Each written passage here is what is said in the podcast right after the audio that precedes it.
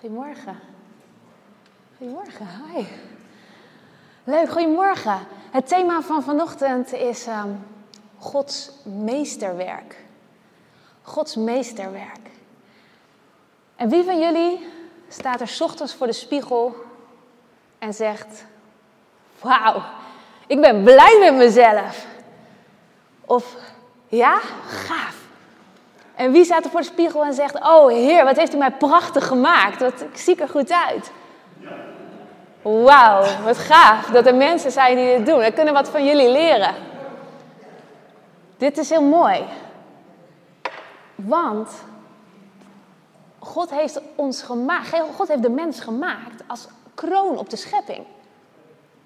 Het is zijn meesterwerk.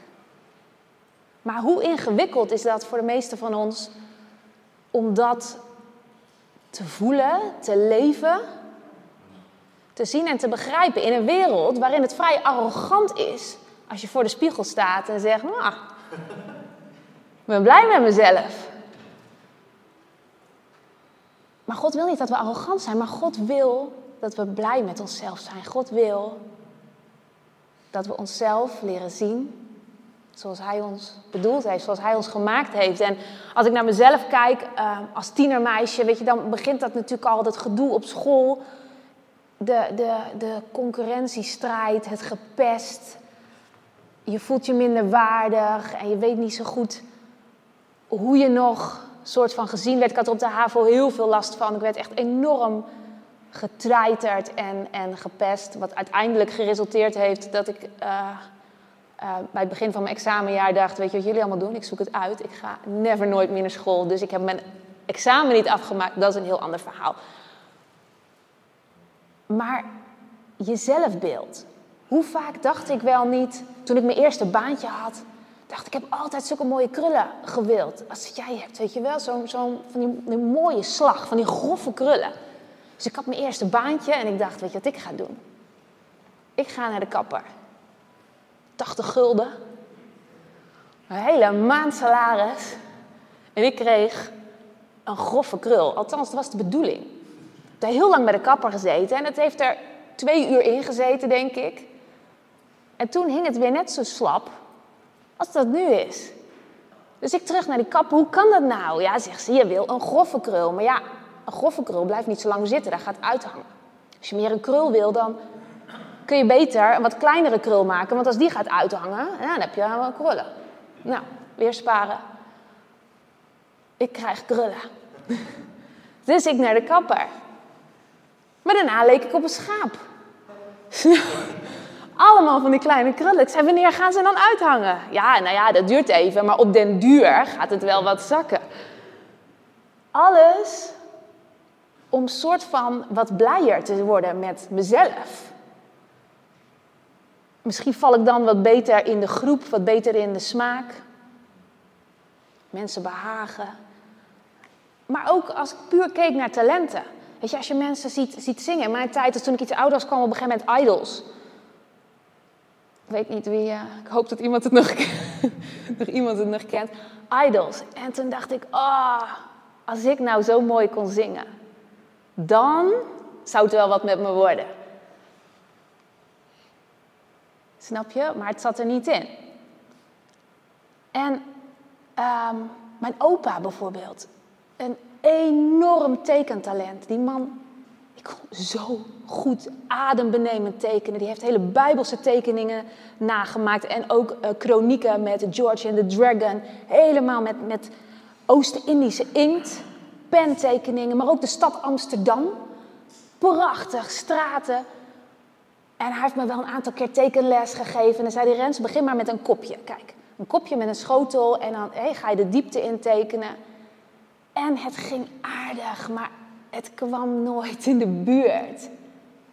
Bij dat talent die mijn opa had. En als ik dan zo goed kon tekenen als hij, dat leek me heerlijk. Want dan pak je je schetsblok en je gaat ergens zitten of op vakantie, weet je wel. Je ziet een mooi schilderachtig stadje en dan uh, ga je gewoon lekker tekenen. En dan wordt het nog mooi ook. Dan is het dat mensen zeggen: Oh, heb jij dat getekend? Maar dat zat er ook niet in. En het interessante vind ik, en gelukkig heeft niet iedereen hier daar last van, maar dat het dus heel makkelijk is om te zien wat je niet kan.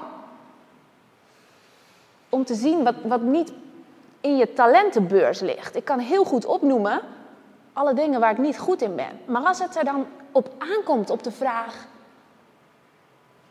waar ben jij goed in? Waar zit jouw talent?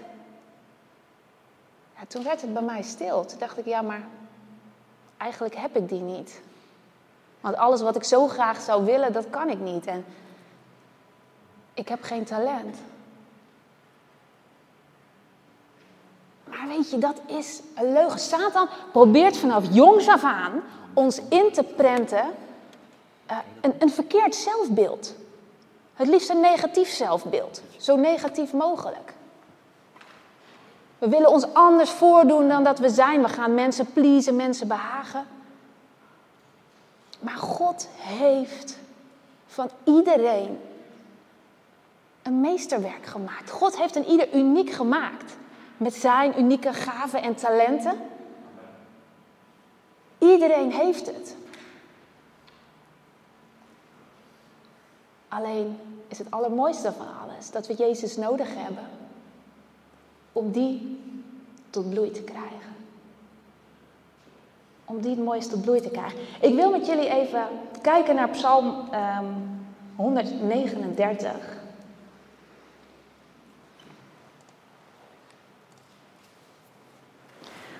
Psalm 139. Wie er een Bijbel heeft, pak het er even bij.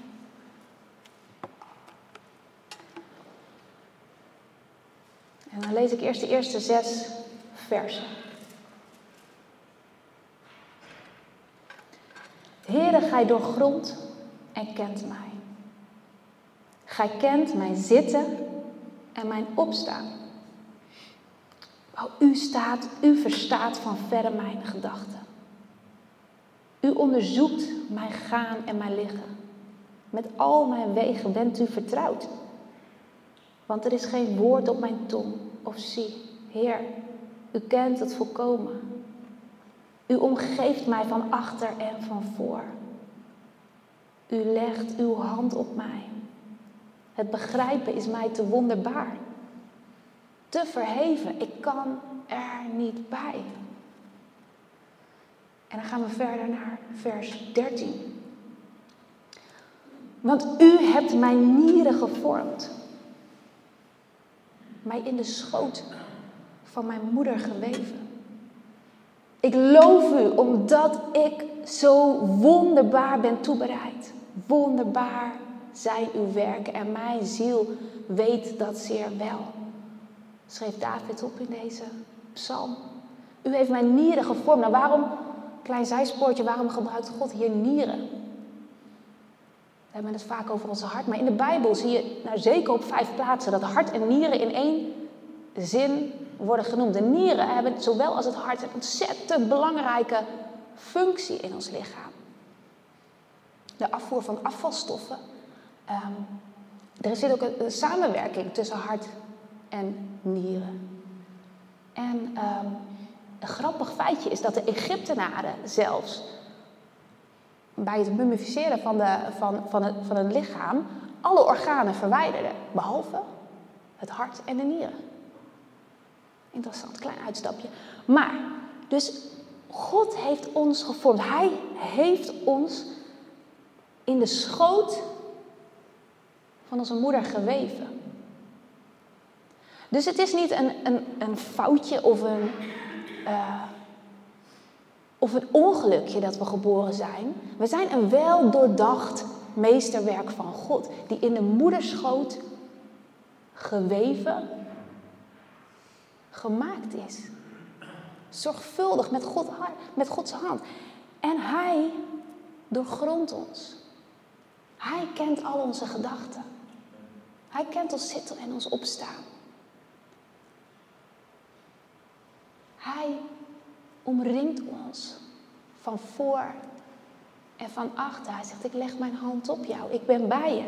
Jij bent mijn meesterwerk. Weet je, en als we tegen God zeggen: God, waarom heeft u mij niet zo gemaakt als zij? Of waarom heeft u mij niet deze talenten gemaakt? Je zegt eigenlijk tegen je schepper. De schepper die jou met zorg in, de moederschoot geweven heeft, zeg je eigenlijk, maar u heeft het verkeerd gedaan. Want ik had er niet zo uit willen zien. Ik had krullen willen hebben. Ik had goed willen kunnen tekenen. Ik had goed willen kunnen zingen. U heeft mij de verkeerde talenten gegeven. Dat is wat we tegen God zeggen als we niet blij zijn met onszelf. En hoe raar het in deze wereld ook voelt. En gelukkig zijn er dus een paar mensen die het wel doen om te zeggen: Wauw, dank u Heer. U heeft mij gemaakt. Ik ben blij met mezelf. Weet je hoe gek dat voor ons in deze wereld ook klinkt?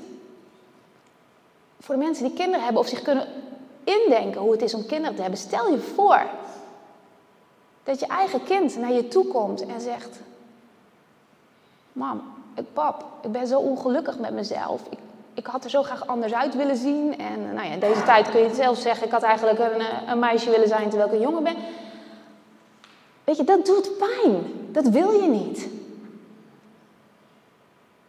Je, je ziet je kind met al zijn gaven en talenten. En je wil dat je kind blij is met zichzelf. Je wil niet dat hij nastreeft om net zo goed als zijn beste vriend of vriendin te worden. Je wil dat je kind blij is met jezelf. En zo is het met God. Hij zegt: Ik heb je zo gemaakt. Je bent goed. Er zit zoveel in jou wat tot bloei kan komen. Je bent mooi, je bent prachtig. God wil dat we daar dankbaar en blij mee zijn. Het doet hem pijn als we niet blij kunnen zijn met onszelf. Weet je, en God heeft dus in ons gelegd bepaalde vaardigheden, zoals we net zeggen, die talenten en gaven, wat niet iedereen weet. En het leuke vind ik als je naar uh, Exodus kijkt. Ik zoek hem er even snel bij. De nieuwe Bijbel is nog heel leeg en nog niet vorige voorgeschreven, gebladerd. Um, Exodus 31. Ik zal er even een stukje bij vertellen. Wat gebeurt er in Exodus 31? Dat is de tijd dat um, God aan Mozes vertelt dat de, um, de tabernakel gemaakt moet worden. Hij vertelt hem helemaal precies, hij heeft hem een, een, een, de hemelse, het hemelse beeld laten zien van hoe dat eruit moet zien hoe het moet worden en, en hoeveel ambachtswerk en handwerk daarin moet zitten. De gouden kandelaren, de, de ark des verbonds, alles moet perfect worden zoals God het bedoeld heeft. En het interessante vind ik hier, God gaat mensen aanwijzen aan Mozes. God gaat zeggen wie er hier verantwoordelijk worden en wie gaan meewerken aan het maken van deze voorwerpen. God zegt niet, het hele volk gaat deze voorwerpen maken. God weet wie er een talent heeft. Um, voor, let op, voor, om, om, om, om, kunstachtige voorwerpen te maken. Wie dat talent heeft. Het is de aanwijzing um, van uh, Bezaleel en Oholiab. De Heere sprak tot Mozes, vers 1 van Exodus 31. Zie, ik heb bij name geroepen Bezaleel, de zoon van Uri, de zoon van Geur uit de stam Juda. En hem vervuld met Gods geest, wijsheid, inzicht en kennis. En dat voor allerlei werk om ontwerpen te bedenken, om die uit te voeren in goud en zilver en koper. Om stenen te bewerken, die in te zetten, om hout te snijden en werkzaam te zijn in allerlei arbeid. En zie, ik heb naast hem gesteld Oholiab, de zoon van Achimasak uit de stam Dan. In het hart van ieder, let op, in het hart van ieder die kunstvaardig is, heb ik wijsheid gelegd. Dus God wijst eerst twee mensen aan. Waarom wijst hij deze twee aan? Hij pikt ze niet random. Hij weet dat deze twee mensen de talenten hebben om hier de sturing in te geven, om hier het inzicht voor te hebben. En God verrijkt hun inzicht en wijsheid met zijn geest om dit te maken. Dus God versterkt dat, God brengt het tot bloei. En vervolgens zegt hij um, in het hart van ieder die kunstvaardig is, heb ik wijsheid gelegd. Dus hij noemt niet zomaar een groep mensen. Hij zegt: luister, ik heb hier, ik, ik weet, er zijn hier mensen die hebben als talent dat ze kunstvaardig zijn. En ik geef hen wijsheid om dat tot bloei te brengen, om dat het uiting te brengen, om die kandelaar perfect te maken, om die ark des dat verzoendeksel zo te maken zoals God dat heeft bedoeld. Dus God brengt onze vaardigheden, onze talenten tot bloei. Als we met Hem wandelen, dan wordt ons zesje gaat naar een negen ineens. En kijk, de wereld zegt al, die wereldse psychologietheorieën zie je al, je kunt beter uh, je zes proberen te upgraden dan dat je je drie naar een zes probeert te upgraden. Omdat um, dat waar je niet goed in bent, daar kun je met heel veel energie en heel veel moeite, kun je dat iets opschroeven, dat je er net iets minder slecht in wordt. Ietsjes beter. Maar het gaat niet bloeien, want het kost bakken met energie.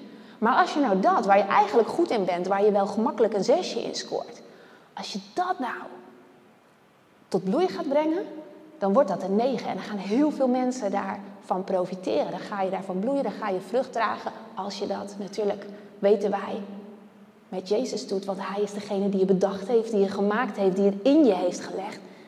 En die het tot bloei kan brengen.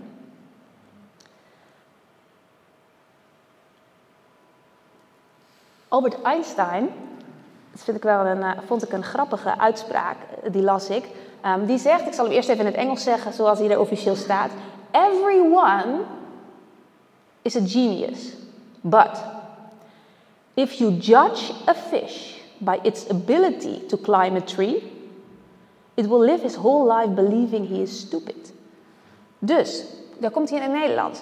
Wanneer je een vis beoordeelt op zijn bekwaamheid om in een boom te klimmen, dan zal hij zich zijn hele leven lang een mislukkeling voelen.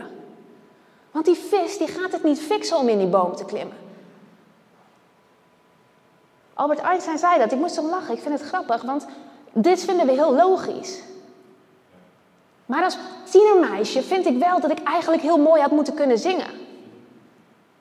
Snap je? Dat ik eigenlijk krullen had moeten hebben. In plaats van stijlhaar.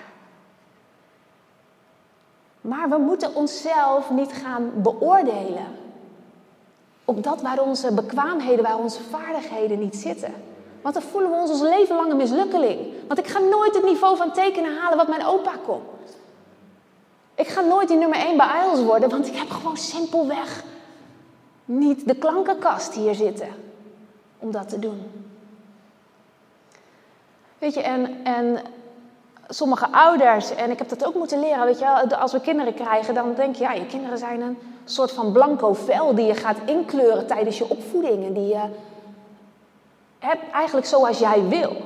Maar dan merk je al snel, vier kinderen hebben wij, alle vier zijn ze compleet verschillend. Want een kind is geen blanco vel, maar een kind is een geschreven boek door God. Wat zich in de loop der tijd gaat ontwikkelen. En je gaat het sturen, trainen met je met je opvoeding. Maar je kunt niet je eigen verlangens projecteren op je kind om voor hem zijn boek maar in te kleuren. God heeft een ieder voorbestemd. Hij heeft dingen in ons gelegd, talenten, gaven, vaardigheden. Hij heeft een unieke identiteit gegeven aan ons. Een identiteit. En onze identiteit, die komt alleen in God echt tot bloeien. En wat doen wij vaak als mensen? Wij vergelijken. Maar vergelijken is dodelijk. Vergelijken is funest voor geestelijke groei. Ik ben iemand die kan echt heel goed vergelijken. Daar ben ik echt master in. Het is een van mijn talenten overigens. Maar dat is wel een van de talenten waar ik aan af heb moeten leren sterven. En, en soms nog steeds in een ongoing process, in een onbewaakt moment denk oh, waarom vergelijken. Nooit doen. Want er is altijd iemand. Weet je, het voelt eventjes soms goed als, als je denkt, dat, dat, bracht ik me wel beter vanaf. Maar er is altijd iemand die beter kan tekenen, die beter kan zingen, die, die er mooier uitziet, die een betere smaak heeft om een woning in te richten. Er is altijd iemand die beter de online marketingstrategie neer kan zetten.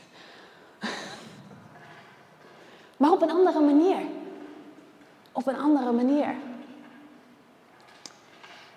Dus onze identiteit wordt geen people pleaser. Word geen people pleaser. Niks is zo veranderlijk als de mens.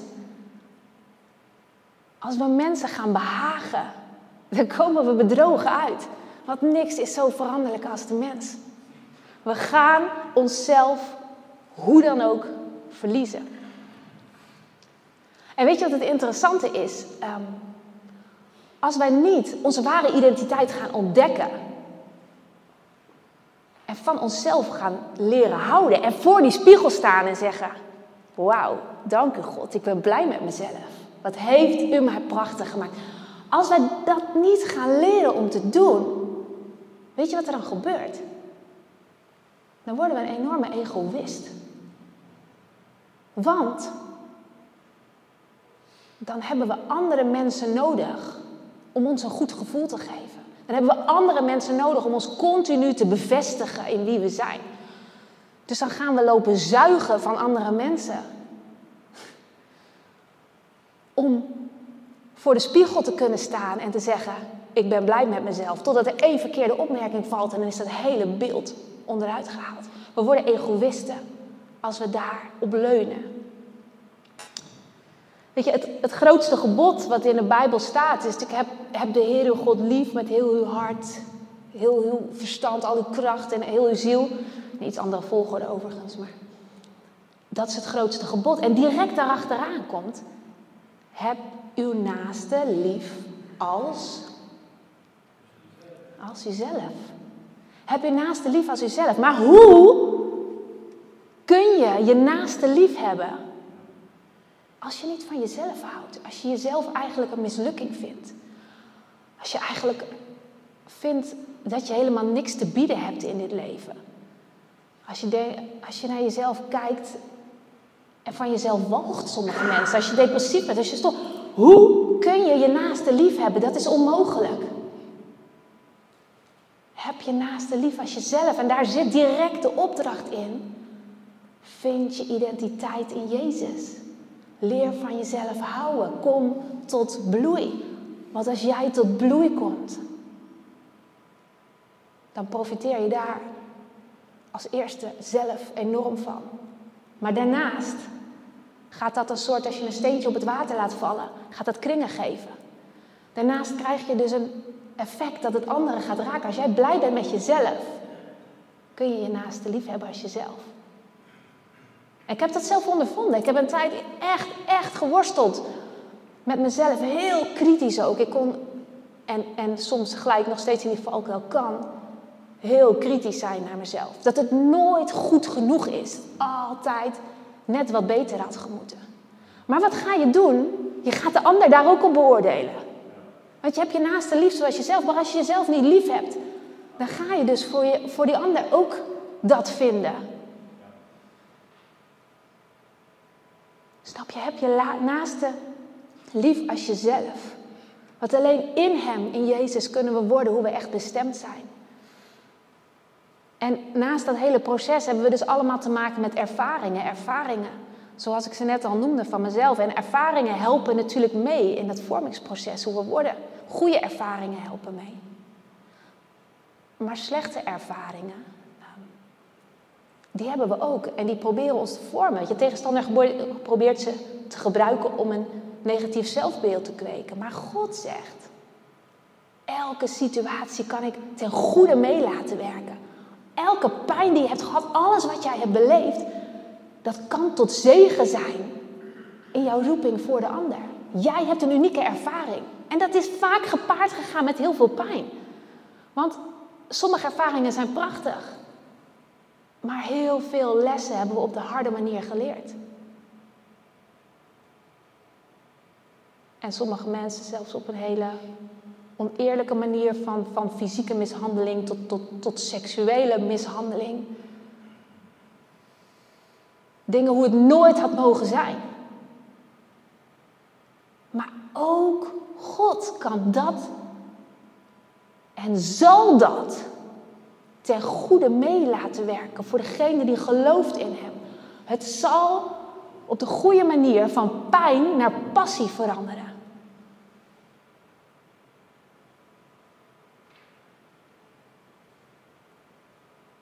Dat waar jij doorheen geworsteld hebt moeten, waar jij mee hebt moeten dealen. Mensen die jij hebt moeten vergeven. Dat gaat God gebruiken. Zodat je andere mensen die God op jouw pad komt, kan bemoedigen, kan helpen, kan, kan sterken, kan steunen. En een stukje mee op kan lopen misschien wel.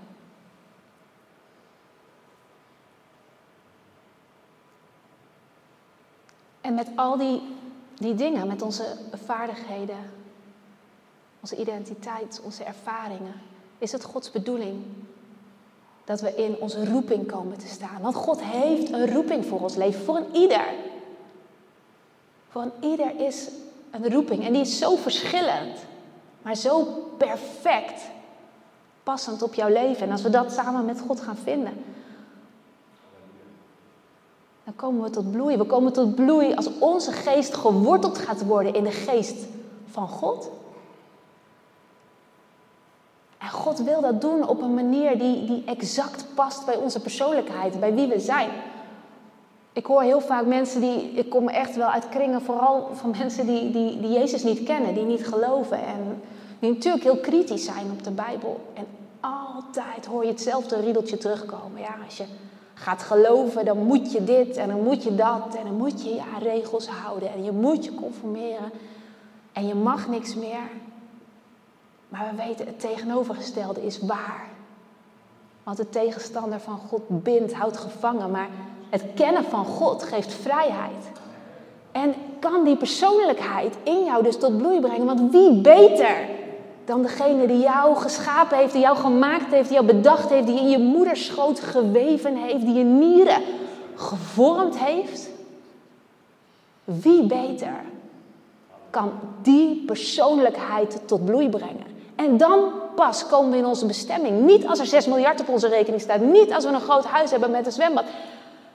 Dat geeft allemaal niet. Dat is, God wil dat we genieten. Dus aan zich is daar niks mis mee. Maar het is niet datgene waardoor we tot bloei komen. Niet die doelen brengen ons tot bloei. Maar dat wat God in ons heeft gelegd. Door het kennen van Gods geest. In die intimiteit met God. Komen die gaven en talenten tot bloei. En als we die leren inzetten voor Gods koninkrijk.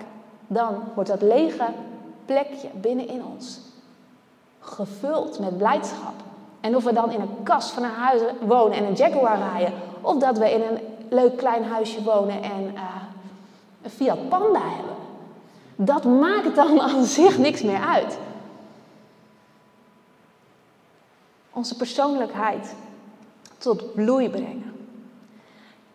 En God wil dat, zodat we kunnen bijdragen aan zijn verlossingsplan. Want het gaat niet alleen om onszelf, maar er lopen zoveel mensen rond die Jezus nog niet kennen. Maar ook mensen die Jezus wel kennen, die bemoediging nodig hebben. Er, zijn, er is zoveel nood in deze wereld. In een wereld die in rap tempo aan het veranderen is. Sneller, heb ik het idee, dan, dan de paar duizend jaar die achter ons liggen. De laatste honderd jaar zijn echt in een sneltreintempo gegaan. Ik zeg altijd, we're heading to the end. En alleen God weet dat exacte tijdstip. Maar wij moeten beseffen, en dat besefte Paulus al 2000 jaar geleden, er is geen dag te verliezen. Er is geen dag te verliezen. Live ready. Zorg dat je je dagen niet verspeeld. Kom in je roeping staan. Zoek God elke dag. Kom tot bloei met dat wat er in je ligt. Ga genieten van de gaven en talenten die jij hebt gehad. In plaats van dat je wegzakt in de vergelijking van dat wat een ander wel heeft. En dat wat jij niet hebt.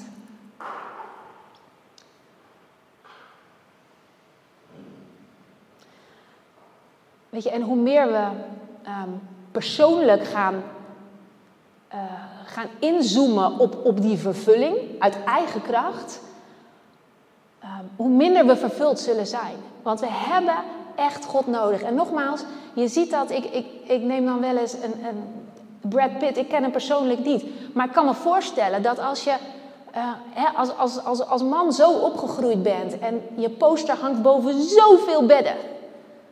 Je hebt de meest prachtige vrouw krijg je aan je zijde. Je kunt alles kopen wat je hebt. En toch gaat het mis. Je verliest je huwelijk, je voelt je ellendig, je voelt je depressief. Waarom? Waarom? Omdat hoe meer we proberen. En zijn roem is natuurlijk deels aankomen waaien. Hij heeft niet zelf geprobeerd om heel beroemd te worden. Maar hoe meer we bezig op eigen kracht zijn om, om in te zoomen op die vervulling van onze behoeften. Hoe minder we vervuld worden. En als je leven om jezelf draait, dan is het eigenlijk zo klein als een korrel graan. Maar als je je leven aan God geeft en met Hem in die wandeling, in die verbinding komt, in die relatie, dan is het of je die korrel graan in de grond plant, vruchtbare grond. Dat is wat God is. En dan komt het tot bloei. En kijk wat er dan gebeurt. Dan wordt het namelijk onderdeel van al die andere tarwekorreltjes die ook in die aarde zijn gezaaid. En dan komt daar ineens een hele akker tot bloei. Snap je? Dus alleen onze korrel graan in zijn eentje heeft niet zoveel te brengen. Maar in die vervulling van, van God word je onderdeel van een groter geheel van zijn verlossingsplan. Dus het belangrijkste is niet wat je bereikt in dit leven, maar het belangrijkste is wie je wordt. Dus niet wat we bereiken, maar wie we worden. En het is goed om onszelf regelmatig te spiegelen. Hoe gaat het met ons geestelijk leven? En geestelijk leven, ehm, dat meet je niet aan hoeveel je in je Bijbel leest. Dat meet je niet aan hoe vaak je in gebed bent. Want dat kan zomaar eens terugvallen in religie, in, in, in uh, regelmaat. Religie, kijk, het is fantastisch als je hier een regelmaat van krijgt en elke dag Gods woord naar binnen werkt. Maar je echte geestelijke groei, die kun je vooral meten aan... hey, ben ik de laatste tijd sneller ontmoedigd dan anders? Ben ik de laatste tijd sneller geïrriteerd dan anders? Waar zit ik in mijn relatie met God? Is het nog de vrede van God die in mij is en die die, die, die rust geeft? in een florerende ziel heerst die vrede van God. En als we merken dat we die kwijtraken, moeten we heel snel zorgen dat we aangeleid worden bij Jezus. In die relatie, in die relatie. Hem zoeken aan zijn voeten. Want de vervulling is bij Hem en door Hem en tot Hem. Hij is de weg, de waarheid en het leven. Hij is de deur tot de Vader. Hebben we nog? Ja, we gaan bijna richting een afronding. Uh, Johannes 12 wil ik uh, met jullie lezen. 12, um, ehm, vers 23 uh, tot 26. Ik heb hem als Bijbeltekst opgeschreven. Ik even denken wat er ook weer staat. Johannes 12.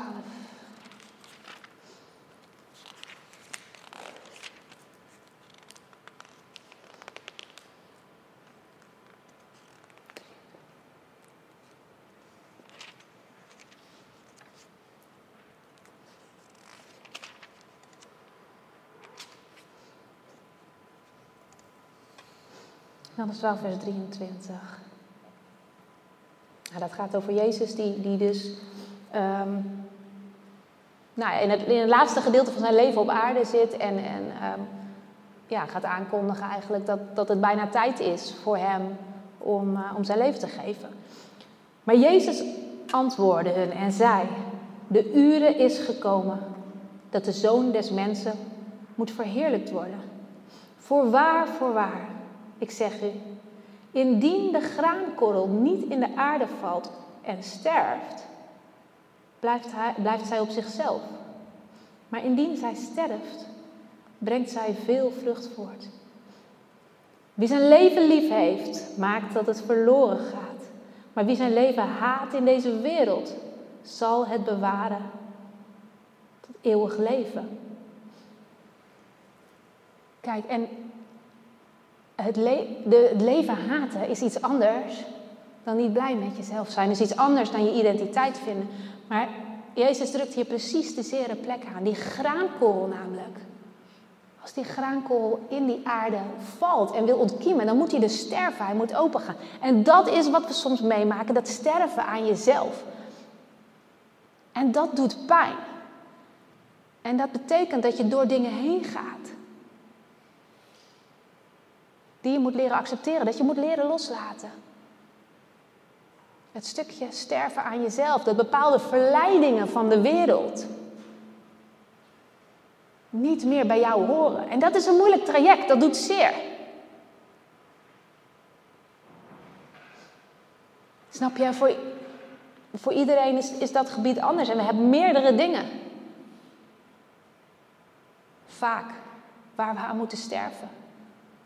Gewoontes, gedrag, maar ook dingen in het leven waar we, aan, ehm, waar we ons aan vast kunnen houden. Sterven aan jezelf.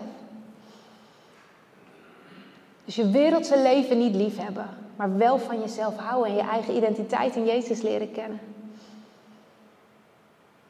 Kijk, en, en, de vorm van, van sterven aan jezelf is altijd sterven aan de mindere versie van jezelf, zodat de beste versie van jezelf, Gods meesterwerk, tevoorschijn kan komen. Weet je, als we het hebben over je naaste liefhebben, als je zelf mensen liefhebben, betekent dat je bereid moet zijn om ze soms teleur te stellen. Zo simpel is het. Jezus hield van iedereen. Maar hij heeft niet iedereen gepleased hier op aarde. En zelfs zijn discipelen, van wie hij heel erg hield en aan wie hij enorm verknocht was, heeft hij op een bepaald moment moeten teleurstellen, want zij hadden verwacht. U wordt de koning, nu. Sta op, doe iets. Dit is het moment, we staan achter u en u gaat nu laten zien dat u de zoon van God bent. Maar hij ging tot in de dood om de dood te overwinnen. Zij doorzagen het plan niet, maar hij kon hun niet pleasen en hij ging hun niet pleasen op dat moment. Bereid zijn om mensen teleur te stellen. Weet je, als we de persoon proberen te worden die andere mensen willen dat we worden, dat is gewoon een lege manier van leven. Want niemand anders weet hoe we in elkaar zitten dan, dan God alleen. Want in Johannes 10, vers 10 zegt dat Jezus, ik ben gekomen om jullie het leven in al zijn volheid te geven. Al zijn volheid te geven, dat is Jezus. En als wij niet de persoon worden die God voor, voor ogen heeft met ons toen Hij ons schiep.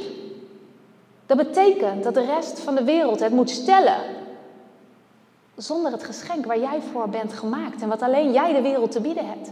Wat alleen jij andere mensen te bieden hebt.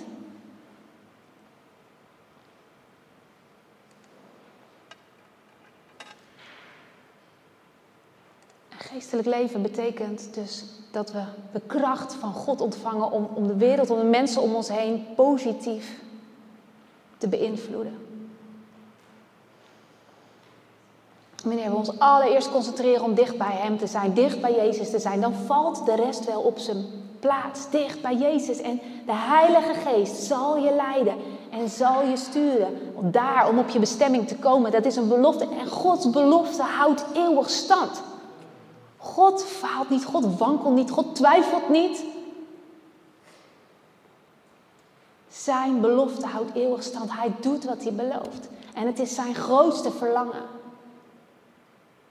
Dat hij zijn Heilige Geest heeft gegeven. De Heilige Geest heeft gegeven om ons tot bloei te brengen. Om in die bestemming te komen, in die voetsporen van Jezus. Om, om in dat verlossingsplan van Hem te fungeren met de, de, de talenten en de kracht en de gaven die Hij ons heeft gegeven in um, Johannes 7, vers 37 zegt, um, um, zegt Jezus, stromen van levend water zullen uit zijn buik vloeien. Nou, de buik is de diepste plek van ons binnenste. Dus dat is daar waar je voelt dat er, als je teleurstelling hebt of verdriet, ken je dat gevoel dat je hier binnenin, dat je denkt, ah, die pijn, die, die diepe pijn.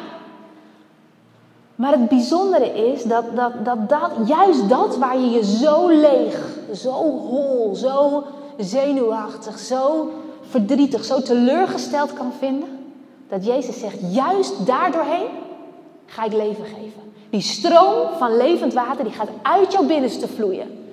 Die stroom die de Heilige Geest ons geeft, die stroomt uit dat, dat, dat diepste lege, nare, zenuwachtige, buikpijnerige plekje. Komt die, geeft die leven. En het stroomt door. En Gods plan is nooit alleen op onszelf gericht, maar altijd om daar doorheen anderen tot zegen te zijn. Om het door en door en door te laten werken. Gods plan is zo groot. God denkt zoveel stappen verder dan wij kunnen. Hij zorgt altijd dat het niet alleen om ons gaat, maar dat hij zoveel anderen daarmee aanraakt, helpt, sterkt. Geestelijke groei is handwerk. Onze God is een ambachtsman. Hij is geen fabrieksdirecteur die achter elkaar dezelfde exemplaartjes rolt. Hij is een ambachtsman en hij wil ons tot bloei brengen. In, in Efeze 2, vers 10 staat: Want zijn maaksel zijn wij, in Christus Jezus geschapen om goede werken te doen die God tevoren heeft bereid, opdat wij daarin zouden wandelen. De Amplified Bible die zegt, For we are his own masterwork, a work of art. Wij zijn zijn meesterwerk, een kunstwerk, door hem gemaakt. Dat is wie we zijn en dat is hoe we naar onszelf mogen leren kijken en met God samen gaan ontdekken. Maar wat, wat heeft u dan in mij? Wat zit er dan in mij? Wat u tot bloei gaat brengen. En hij gaat het doen. We gaan richting die uh, afronding. Um. En dat doe ik net nog een uitspraak van Albert Einstein. Om hem maar even hier uh, erbij te houden. We cannot solve our problems with the same thinking we used when we created them. Met andere woorden, Nederlandse woorden, we kunnen onze problemen niet oplossen met hetzelfde verstand of hetzelfde denken als waar we ze mee hebben laten ontstaan. Best een slimme opmerking. Dus we hebben God nodig. Want hij zegt in Jacobus, wie het aan wijsheid tekort komt, wie het aan inzicht tekort komt, kom bij mij, ik geef het je overvloedig. Hij is bij machten om veel meer te kunnen doen dan we ooit kunnen bidden of beseffen. Hij is onze God. Het wordt tijd om jezelf lief te hebben en de beste versie van jezelf te worden. Gods meesterwerk. Zoek God en laat je leiden door zijn liefdevolle geest. Ga het avontuur aan met hem. Maar blijf weg bij vaardigheden ontwikkelen die buiten je kracht liggen, want het kost je te veel energie, je loopt erop leeg. Focus je wat God wil doen, wat God in jou tot bloei wil laten komen. En dan ronden we af met de Bijbeltekst van, uh, vanuit Jesaja. Jesaja 60, ik heb hem je niet doorgegeven omdat uh, ik een vertaling heb gepakt die anders is dan de MBG die we gebruiken. Uh, sta op en schitter, want jouw licht is gekomen en de heerlijkheid en schittering van de Heer is over u opgegaan. Amplified Bible naar het Nederlands vertaald. Sta op en schitter, want jouw licht is gekomen en de heerlijkheid en schittering van de Heer is over u opgegaan. Dit is de tijd. Laten we samen gaan bidden. Vader in de hemel, oh dank u wel, almachtige God, dat u ons kent. U doorgrondt ons hart. U kent ons hoofd voor hoofd. U heeft zelfs de haren op ons hoofd geteld. U heeft zelfs de haren op ons hoofd geteld. U kent onze gedachten. U kent de woorden nog voordat we ze uitspreken. Maar u bent bij ons. U omringt ons van voor en achter. U legt uw hand op ons. U heeft ons geweven in uw moeders schoot. U heeft onze nieren gevormd. O Heer. Dank u wel dat het tijd is dat we blij met onszelf mogen zijn. Dat we onszelf mogen zien zoals u ons ziet, door uw ogen. Dat het niet meer uitmaakt wat er achter ons ligt. Want u zegt, ik heb je vergeven. Ik heb je zonde weggenomen. Ik heb het zo ver als dat het oosten van het westen is verwijderd. Ik kan je vertellen, die twee komen nooit bij elkaar.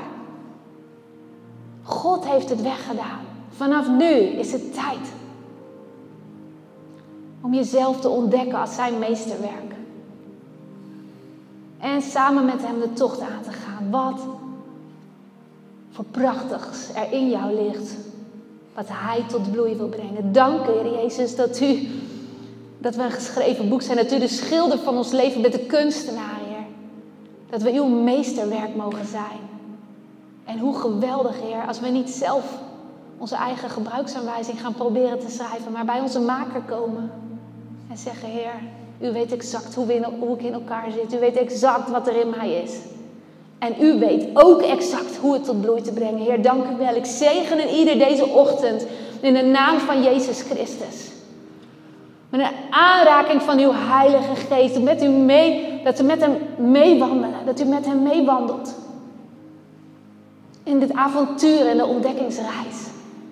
Om tot bloei te mogen komen. En, en, vele anderen tot zegen te mogen zijn. Dank u, Vader. Ik zeg aan iedereen de komende week die voor hem ligt, de zondag vandaag. Heer, dat uw woorden door mogen galmen in ons hoofd en dieper mogen landen in ons hart. Dat het de vruchtbare grond mag vallen, opdat die tarwekool die we zijn, dat die in die vruchtbare grond mag sterven en tot bloei mag komen. Dank u, Heer Jezus. Ik zegen ieder de nieuwe week. Ik bid uw bescherming, uw engelen, uw bloed, Heer Jezus, uw kostbaar bloed over hen. Die hen reinigt, zuivert en heiligt. Heer, uw beschermengelen, die beschermen, dank u wel. Voor uw grootheid, voor uw liefde, voor uw trouw. Dat u altijd daarbij bent. Dat u nooit verandert. Immer dezelfde bent. In Jezus' naam, amen. Amen.